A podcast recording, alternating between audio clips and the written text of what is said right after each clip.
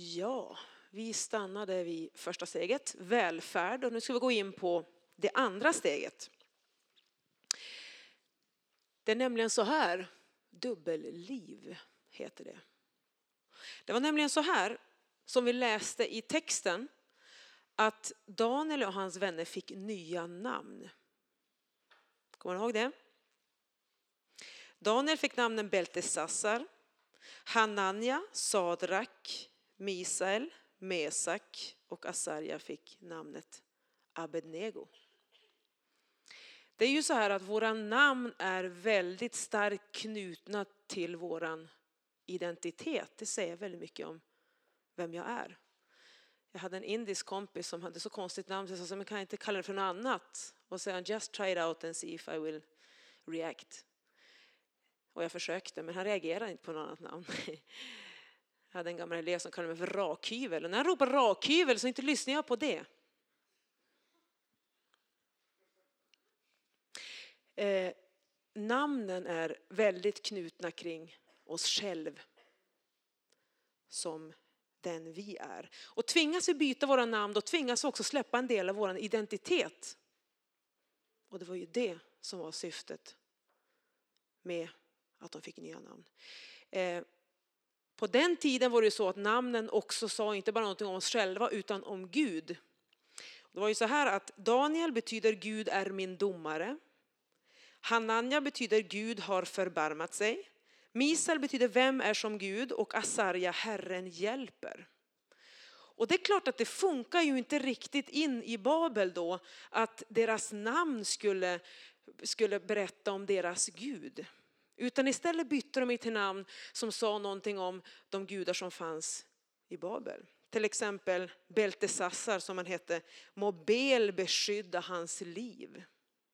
Så namnen, de fick nya namn som de kanske inte identifierade sig med. Eh, och som sa någonting om gudarna i det landet där de bodde.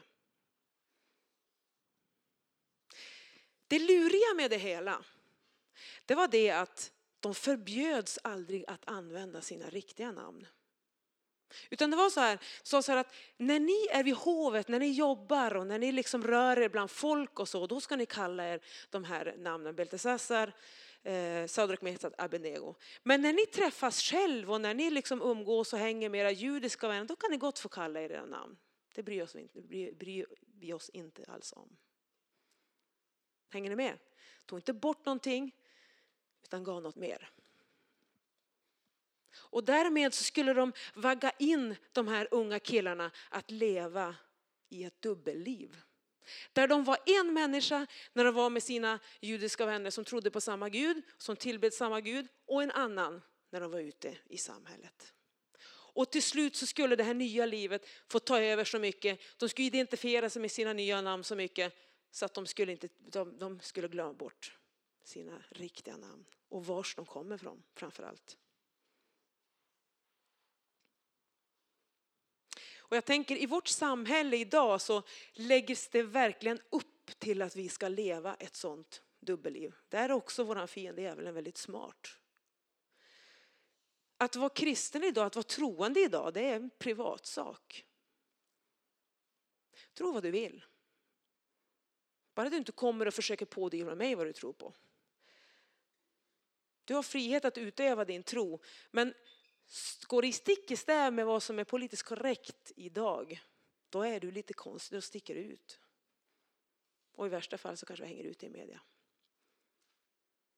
Och så vaggas man in i ett dubbelliv. Och jag tänker det med mig själv. Jag utmanas av tanken, är jag densamma när jag är med mina icke-kristna vänner eller med mina kristna vänner? Det kan ju vara så att man uttrycker sig på annorlunda sätt. Och det är helt okej. Okay. Men står jag för samma värderingar? Det är en utmanande fråga.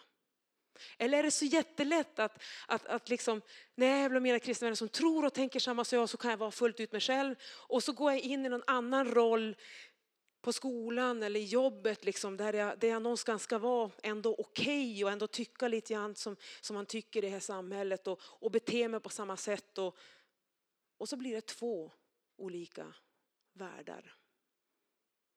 när Jesus vill lära oss att livet med Jesus, det är inget, ingen skillnad på det. Oavsett om du är i skolan eller om du är hemma eller om du sitter på toaletten eller om du sitter i bilen eller vad du än gör. Så finns Jesus med dig hela tiden. Och så får vi våga stå för vår tro. På samma sätt när vi är våra icke-kristna kompisar som vi är också när vi är med människor som ännu inte känner Herren.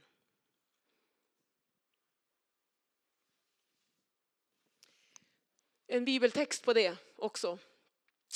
I Romarbrevet. Därför uppmanar jag er bröder vid Guds barmhärtighet att frambära era kroppar som ett levande och heligt offer som behagar Gud er andliga gudstjänst. Och anpassa er inte efter den här världen, utan låt er förvandlas genom förnyelsen av ert sinne.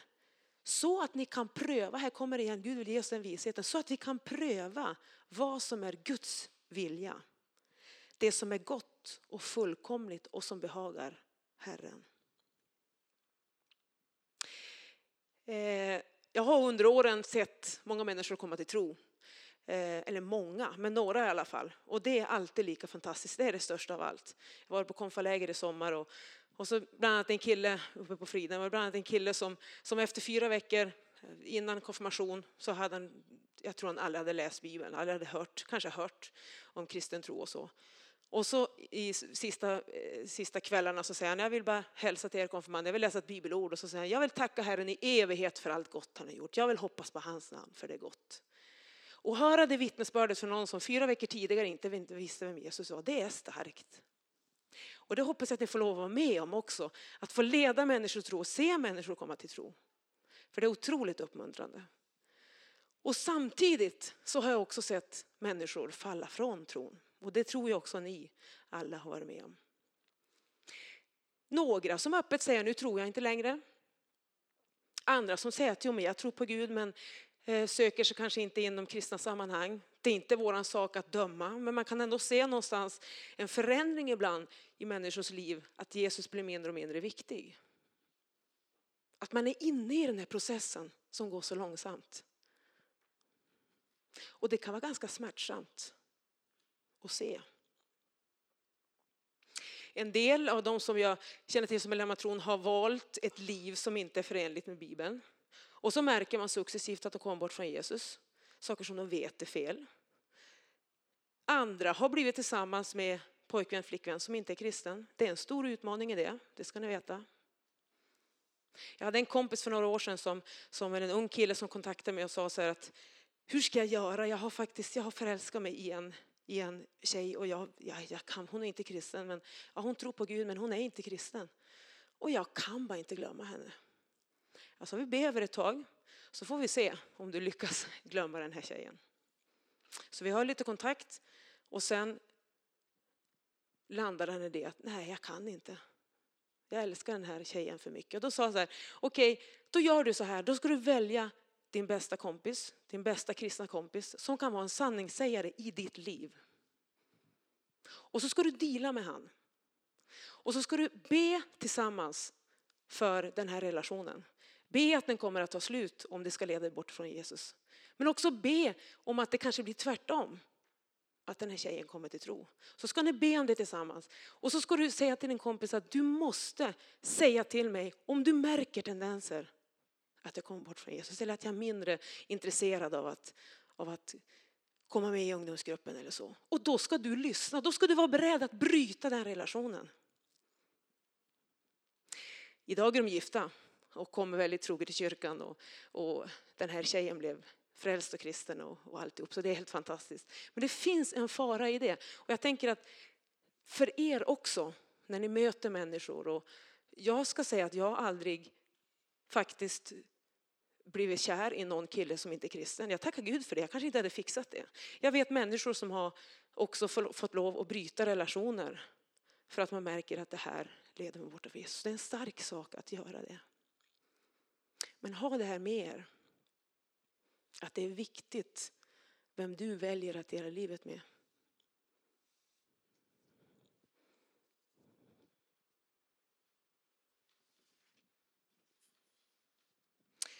Ett till bibelord på det. Allt är tillåtet för mig men inte allt är nyttigt. Allt är tillåtet för mig men jag ska inte låta något ta makten över mig. Jag har en storebror som är väldigt duktig på, vi är åtta syskon by the way, jag är minst, bortskämdas. Eh, och min äldsta storebror är väldigt duktig på bilar och motorer överhuvudtaget. Eh, han är duktig på business och inköp. Så att så fort jag ska göra något större inköp då ringer jag till brorsan och så fixar han det. Han älskar att hänga på Blocket på nätterna och sådär. Lite nördig så kanske.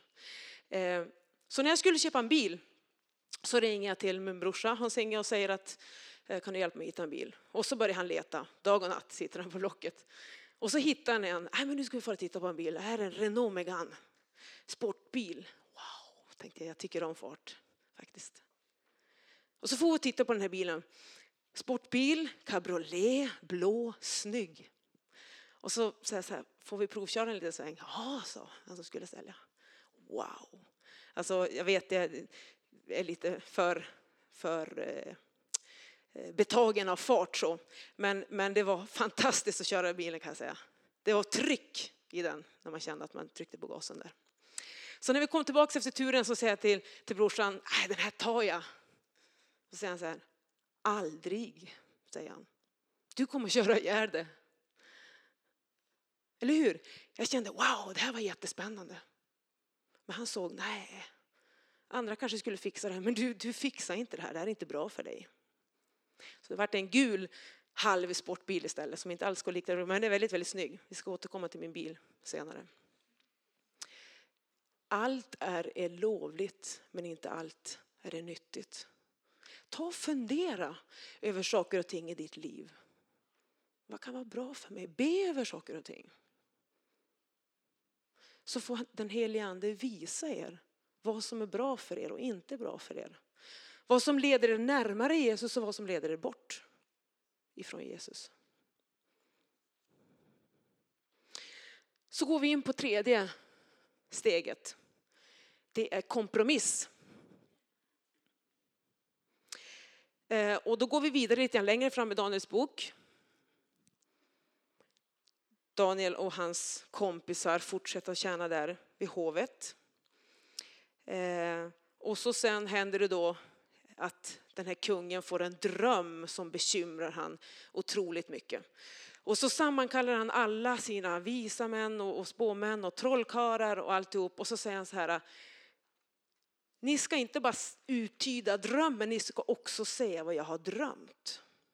För han tänkte så här, om jag berättar drömmen då kan de ju hitta på en tolkning. Så han sa så här, eh, ni måste säga också vad jag har drömt. Och då säger visemännen, männen, Aldrig har någon kung krävt det här av oss. Det är ju helt omöjligt. Hur ska vi kunna liksom säga vad du har drömt? Det är ju bara du som vet det. Och den här kungen han blir så arg när Han säger att han visst avlivar dem allihop. Han var så bekymrad vad den här drömmen betydde. Och så får Daniel höra det där och så går han in till kungen och säger så här. Stopp och belägg, varför ska ni offra alla de här människorna? Ge mig lite tid. Och så går han ner till sina kompisar och så, och så säger han, nu måste vi verkligen be för det här. Och så ber de tillsammans. Och det är så fint att se. Det är också viktigt i det samhälle vi lever i att ha den bönegemenskapen. Jag hoppas att ni har det och annars tycker jag ni ska söka er till vänner som ni kan dela utmaningar och problem med och få be tillsammans. Det är jätteviktigt. Så Daniel, Hanania, Misael och Azaria, de ber för det här. Och så hör Gud deras böner och så ger eh, Gud både drömmen och uttydningen till Daniel. Så att han går inför kungen. Vi ska inte gå in på detaljerna vad drömmen var, för då flyter vi iväg i det. Men Gud hör deras böner och så sen går han och berättar för kungen vad han har drömt.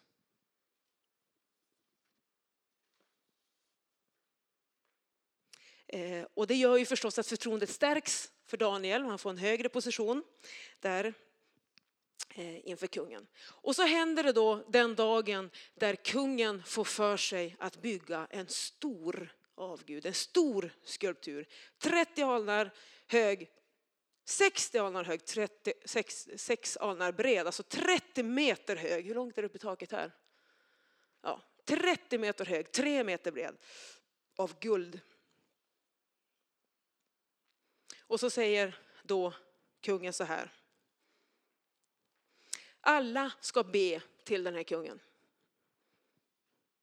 Men Han säger inte, du får inte be till din Gud. Han säger bara det att alla ska be. Alla oavsett vad du tror på så ska du be till den här kungen. En form av kompromiss. Det borde ju vara lite okej, okay. jag kan ju ändå be till min Gud.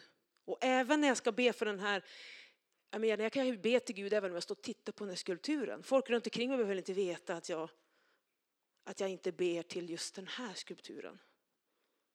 Visst hade det varit lätt att tänka så? Att börja tumma lite så här, ah, men jag kan ju ändå någonstans, för annars kanske de tar livet av mig och det är ju inte heller så kul.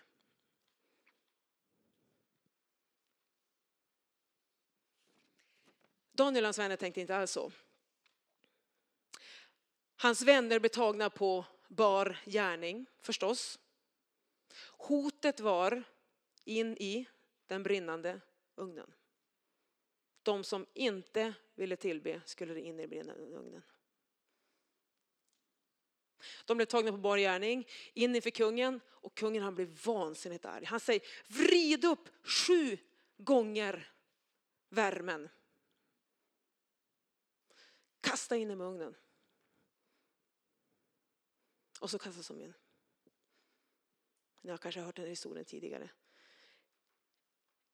De åker in i ugnen och sen plötsligt säger kungen så här. Var det inte tre killar vi slängde in där? Jo, säger vakterna. Eller inte de vakterna som slängde in den, för de dog faktiskt. De som slängde in dem i ugnen. Det var så varmt så att de dog när de skulle ha in dem. Så säger han så här, hur kommer det så att jag ser fyra män där inne i ugnen? Och de går lös och ledig. Det brinner inte ens om dem. De var bundna när de kastades in. Nu går de lösa och lediga. Och den fjärde ser ut som en gudason. Vilken mäktig berättelse. Och då tänker jag så här. Vi går igenom också stunder i våra liv när det känns som att vi är i en brinnande ugn. Eller hur? Jag tror när jag var i den situationen själv. Gud skonar oss inte från allt. Vi lever i en trasig värld där vi får med om massa olika utmaningar och problem. Inte bara på grund av den tro vi har, som för Daniels vänner. Utan också alla andra olika typer av problem. Att vi, vi är sårade och skadade i den här världen.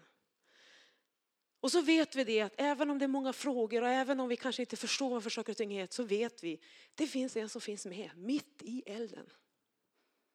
Han går där med dig och med mig. Och så vill han någonstans se till att de här lågorna som finns runt omkring ska inte skada oss. De här männen kom ut från ugnen. De luktade inte ens bränt. Jag kommer ihåg när man var liten, då tyckte man det var skitroligt att dra ett hårstrå. Så, oj, nu kommer många.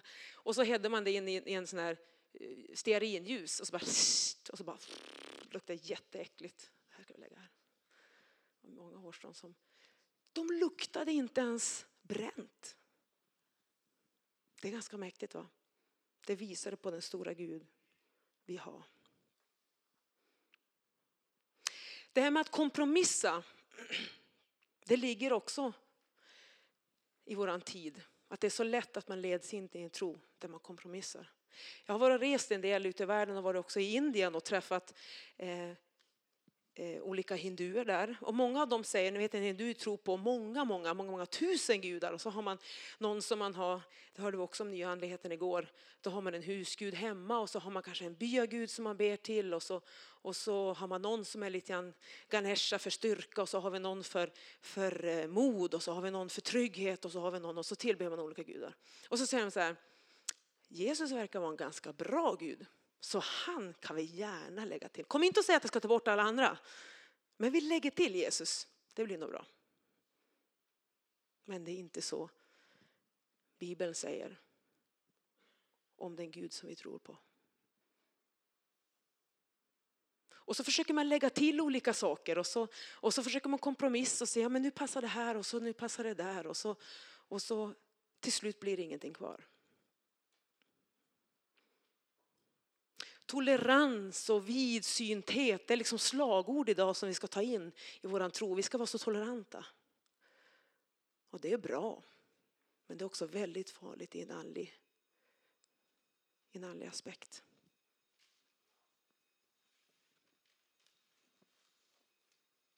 Och så blir det så lätt att, lätt att vi är rädda, att vi skapas av rädsla i den här världen. Vi lever där någonstans, å ena sidan det dubbellivet, att jag är kristen på ett vis då och så är jag kanske inte riktigt lika kristen där.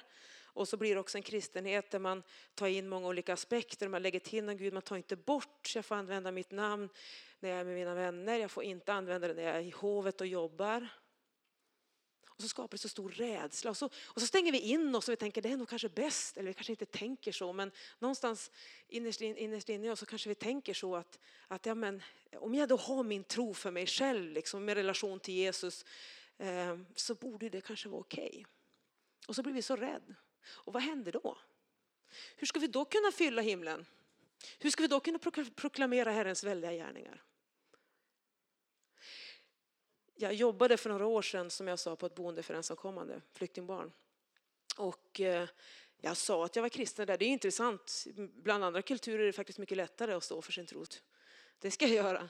Så jag gick hem och beställde den på nätet och sen när jag hade gjort det så tänkte jag, hmm, hur gör jag nu? Jag jobbar ju på det stället. Vad händer om folk får reda på att jag liksom beställer biblar på nätterna och ger biblar till folk? Vad händer då? Och så skapas en rädsla och så tänkte jag, nej, jag kan ju inte låta bli att göra det, men hur ska jag göra det på ett snyggt sätt så att jag liksom inte blir tagen på bar gärning i det här? Så när jag fick Bibeln så valde jag ett tillfälle, den låg i min väska på jobbet och så sen var vi ute och gick en promenad med tjejerna. Så såg jag till så här att, att jag fick, det var fyra, fem tjejer, att jag gick lite till sidan då med den här tjejen och så sa jag så här, du den här du kommer ihåg vad du ville att jag skulle göra för något? Ja, skaffa en bibel till mig, sa hon. Ja, precis. Så jag har gjort det nu. Åh, vad roligt, säger hon. Så här, fast, eh, alltså, du vet, det är ju lite grann så här att jag, jag som personal får ju som inte kanske ge dig massa, så det vore ju som, eh, jag kommer inte ihåg hur jag uttryckte mig, men att behöver inte kanske säga så mycket liksom så där till till folk sådär. Nej, nej, det är helt okej, säger han. Och så vänder han sig om. Idag ska jag få min bibel! Säger han till sina tjejkompisar. Och jag stod med skammen. Det var den största glädjen för honom att få en bibel. Och jag försökte säga att den är, säg det inte till någon. Fattar du? Så idiotiskt. Så den här rädslan finns där och hindrar oss. Tack och lov att den här tjejen var så frimodig. För då fick jag stå där med skammen själv. Så låt inte den här rädslan få hindra dig att också berätta om Jesus. Vi ska gå till steg fyra. Förnekelse. Då går vi fram lite längre fram i Daniels bok och i Daniels berättelse, hoppar över några drömmar och uttydningar och så. Några kungar senare. Nu var det Darejaves som var kung eh, som Daniel tjänade. Daniel var en av tre män, och det var inte nu hans, hans judiska vänner, utan tre män som ledde ledarna, så de var ledare över ledarna i Babel. Daniel utmärkte sig. Det stod att en ande utan like fanns i honom. Så han utmärkte sig och det här stack i ögonen på hans eh, kollegor då. Så de tänkte nu gör vi en liten komplott. Så de gick in till kungen och sa så här, vi, vi, vi har nu bestämt allihopa att, att vi vill gärna tillbe dig. Åh, säger kungen, så fantastiskt egotrippade kungen. Eh, ja men visst, jättebra. Så vi tänkte, det vore fint att du utfärdar en regel där du säger att man får inte be till någon annan gud än till dig. Mm, säger kungen, det låter väldigt bra. Kungen tyckte väldigt mycket om Daniel. Jag vet inte vad han tänkte, eller han visste ju att Daniel bad till en annan gud. Men han var så intagen av den här äh, smickret så han sa ja visst. Så han gav ut ett påbud att allihopa i hela landet skulle bara be till Baal. Och när citror och lyror och trumpeter och alla musikinstrument satte igång så skulle alla be och falla ner för kungen. Och så får man inte be till någon annan gud. Hänger ni med på skillnaden? Tidigare så skulle man lägga till, du ska be till den här, den här stora skulpturen men du får också be till din Gud. Nu vart det förbjudet att be. Nästa steg. Hade inte Daniel sagt nej från början, våga stått fast från början genom Herrens kraft, då hade han definitivt fallit under vägen. Så hemligheten är någonstans att visa färg ända från början. Så Daniel, vad han gör när han får reda på det, det första han gör, det är det att han går upp i sin kammare som han brukar göra tre gånger om dagen och så faller han ner till Gud och så säger han, ja, ta hand om mig i den här situationen. Så han ber till Gud och hans sluga kollegor tar ju han förstås på bar gärning. Straffet den här gången, det var som ni säkert känner till, lejongropen. Man skulle ner i en lejongrop och slukas upp av lejonen.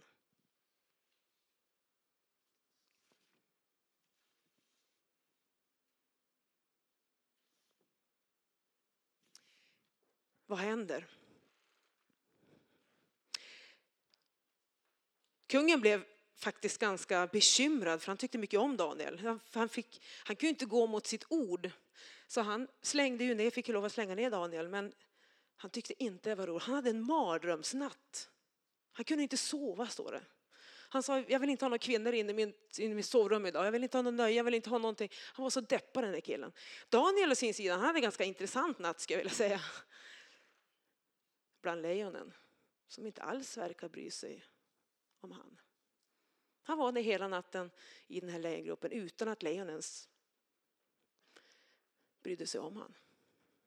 Så på morgonen kommer kungen och, och, och, ropar Daniel, har din Gud räddat dig? Och så, så tror han kanske ändå på den här guden även om han inte tror, tro, alltså att ta konsekvensen och liksom, eh, tror verkligen på det. Men så anar han, men kanske Gud ändå har gjort någonting. Och så säger Daniel, ja min kung. Gud har räddat mig från det här. Och så fick det här bli ett starkt vittnesbörd för både kungen och för alla som bodde där. Vilken Gud som är den levande guden. Kanske du har förnekat Gud någon gång. Jag har gjort det. Kanske genom någonting vi har gjort, kanske någonting som vi inte har gjort, kanske att vi har sagt någonting, kanske att vi inte har sagt någonting. Det är en stor frestelse i, vårt liv idag. Med förföljelse. Och jag tror det finns många människor som förföljs för sin tro ute i världen på olika sätt. Här i Sverige får vi fortfarande utöva våran tro. Jag tror, jag vet inte, jag är ingen profetissa så, men, men jag tänker att det kommer bli en ökad förföljelse. Och kanske inte en sån förföljelse som säger att du får inte tro på Gud, utan kanske en förföljelse mer mot de som vill tro på Bibelns Gud till exempel. Alltså att det blir delar av kristenheten som kommer att förföljas. Så vi behöver rusta oss vänner. Vi behöver rusta oss inför det här. Det kan kännas tråkigt att säga det inför er 16, 17, 18-åringar som bara vill njuta av livet. Och det ska ni göra till fullo av alla goda gåvor som Gud ger.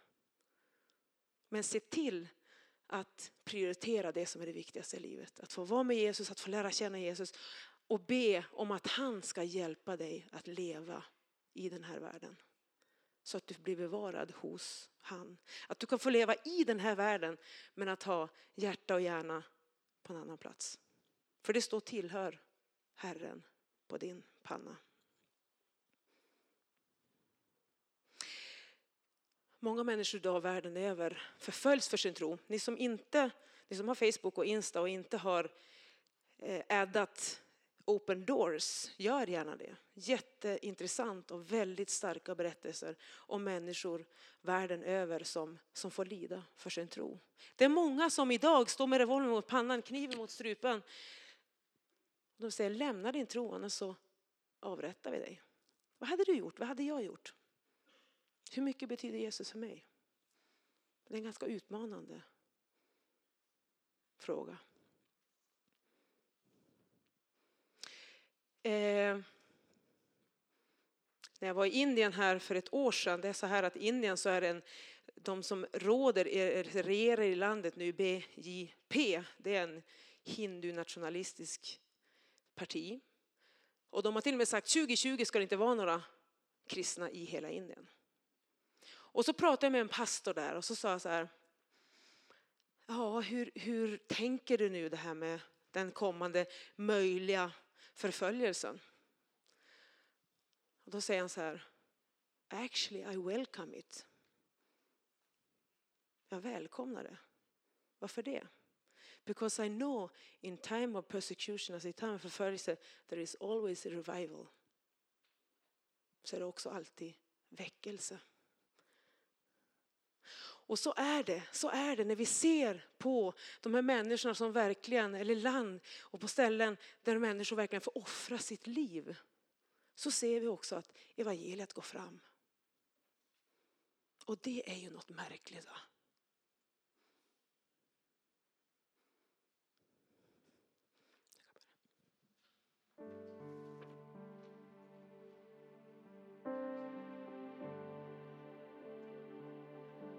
Nu ska ni få höra en sann berättelse.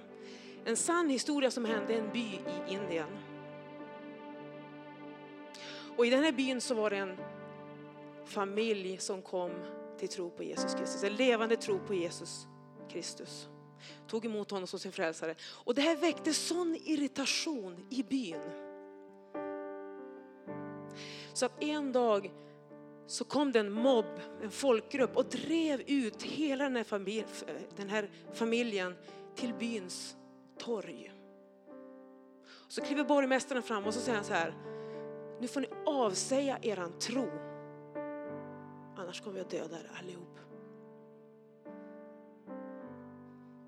Och så säger pappan i familjen, alltså och sen tänkte jag vad ska jag säga om det här? Han, han hade ingenting att säga.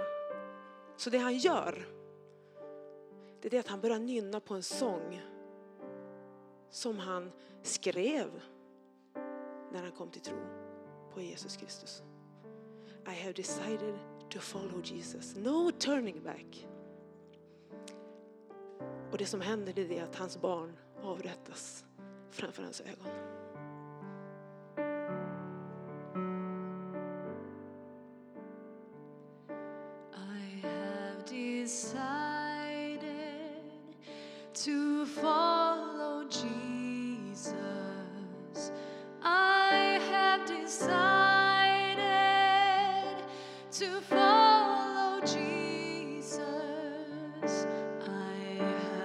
Decided to follow Jesus.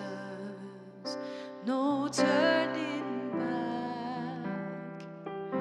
No turning back.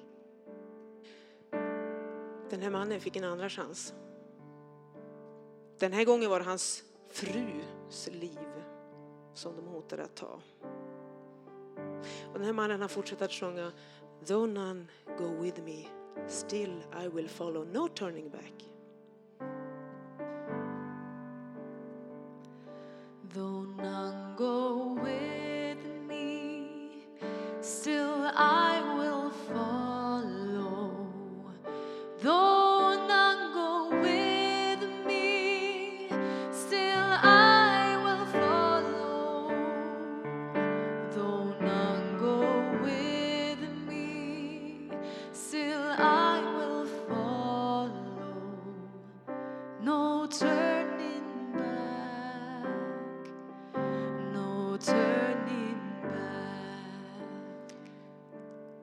Efter hans frus tragiska avrättning så fick han sista chansen och det här var med hans eget liv som satts på spel.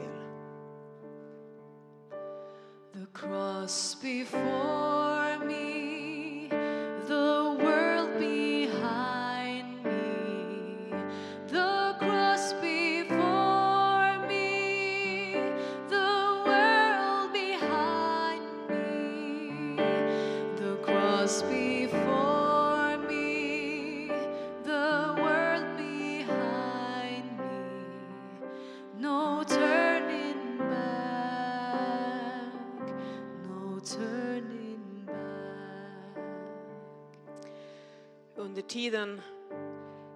dagen när hela den här familjen, först barnen och sen frun och sen mannen själv blev kallblodigt avrättade så hände det något märkligt i den här byn.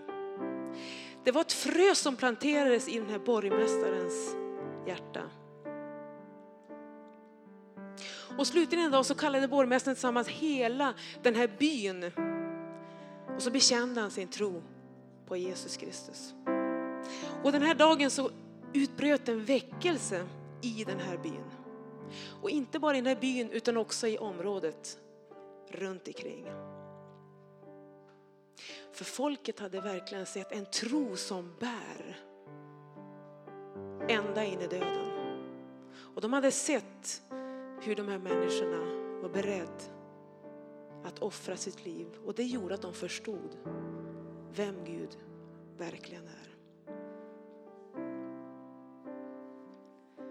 No turning back, no turning back.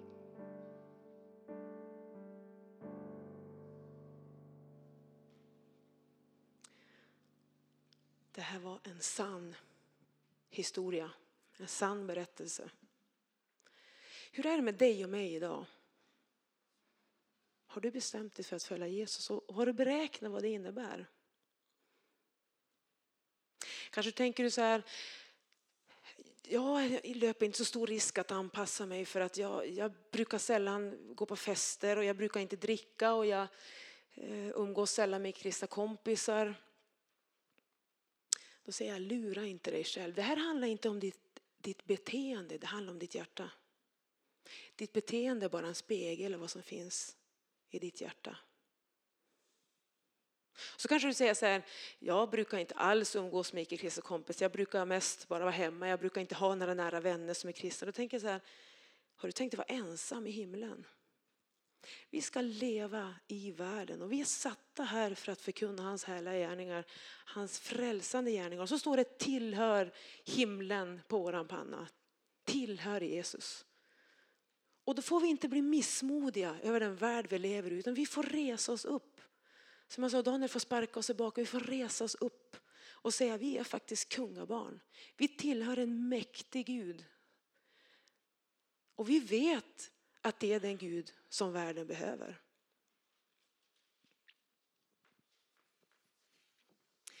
Marcus Birro, jag vet inte om ni känner till han. Han fick en gång frågan, tror du inte, är du inte rädd att folk ska, eh, bete, eller vad ska jag kalla dig för en galning? Han är en känd journalist som kom till tro på Jesus Kristus. Då säger han så här, den största galenskapen är att hålla tyst. Förra veckan var jag på en konsert med Samuel Ljungblad, jag vet inte om ni har hört han. Och så började jag med att säga så här, jag vet, jag, jag, jag, tror att de flesta av er vet att jag tror på Gud och Jesus och på Bibeln och allt det där. Och nu vet jag att det är många här som kanske inte gör det. Då tänker jag så här, ni från kyrkorna som är här, välkommen hit. Jag förväntar att ni skulle vara här. Ni som inte tror på Gud, fantastiskt att ni är här. Ni kommer inte bli, bli besvikna för jag är sjukt bra, säger han. Och så några minuter senare så får han med sig alla folk i en allsång som sjunger You're everything I need and your blood covers me. Står hela Umeå där och sjunger. Alltså mer av Birro och Samuel Ljungblad. Carola när hon hade sin 30-åriga karriär så frågade hon vad var det största i ditt liv? Och så säger hon det enda jag har sjungit så att någon människa fick möta Jesus. Så låt oss vara modiga, låt oss stå fast på trons grund. Under förra veckan när jag förberedde det här så eh, bestämde jag mig för att någonstans få leva lite med Daniel några dagar. Jag lyssnade på bibelutläggningar och jag läste och jag bad och jag, jag bad Gud någonstans också gripa tag i mig så jag skulle kunna förmedla det till er. Och det var en ganska intressant vecka ska jag säga. Det jag också fick syn på väldigt många saker, väldigt många gånger när jag själv har fallit för dubbelliv, levt i dubbelliv, förnekat Jesus till och med. Kanske inte med min mun men i mitt hjärta. Och där jag låter andra saker bli viktigare än Jesus. Och då tänker jag så är det också med oss här idag. Och ibland så gråter vi över det. Och ibland så rycker vi på axlarna. Det är så illa med oss, så ibland när vi gör saker som inte Gud vill så rycker vi på axlarna för det. Jag tänker oavsett hur det har varit för dig eller för mig så tänker jag att idag så får vi faktiskt börja om på nytt. Och det får vi göra varje dag. Vi får ta emot förlåtelsen. Att vi får vara kristna beror inte på vad vi gör eller hur vi lever. Det är av nåd, bara av nåd. Och så får vi börja om på nytt igen och så får vi bekänna inför Herren allting som blev fel. Och så får vi be om kraft och mod att stå fast i den här tiden. Ska vi resa oss upp och så ber vi tillsammans.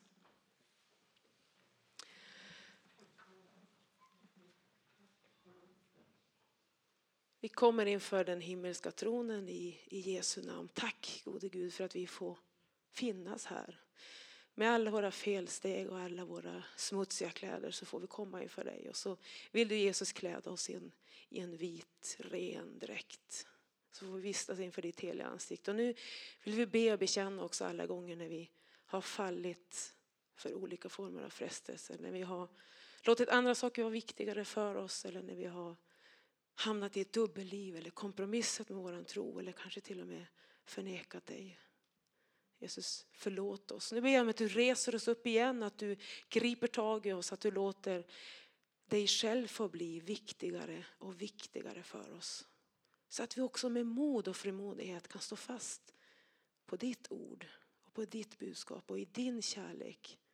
Herre, låt oss få se många människor komma till tro. Använd oss att få sprida dina välja gärningar här på jorden. Tack för att det står tillhör Herren i min panna och att ingenting kan ta bort den stämpeln. Vi tillhör dig av nåd. Det tackar vi för.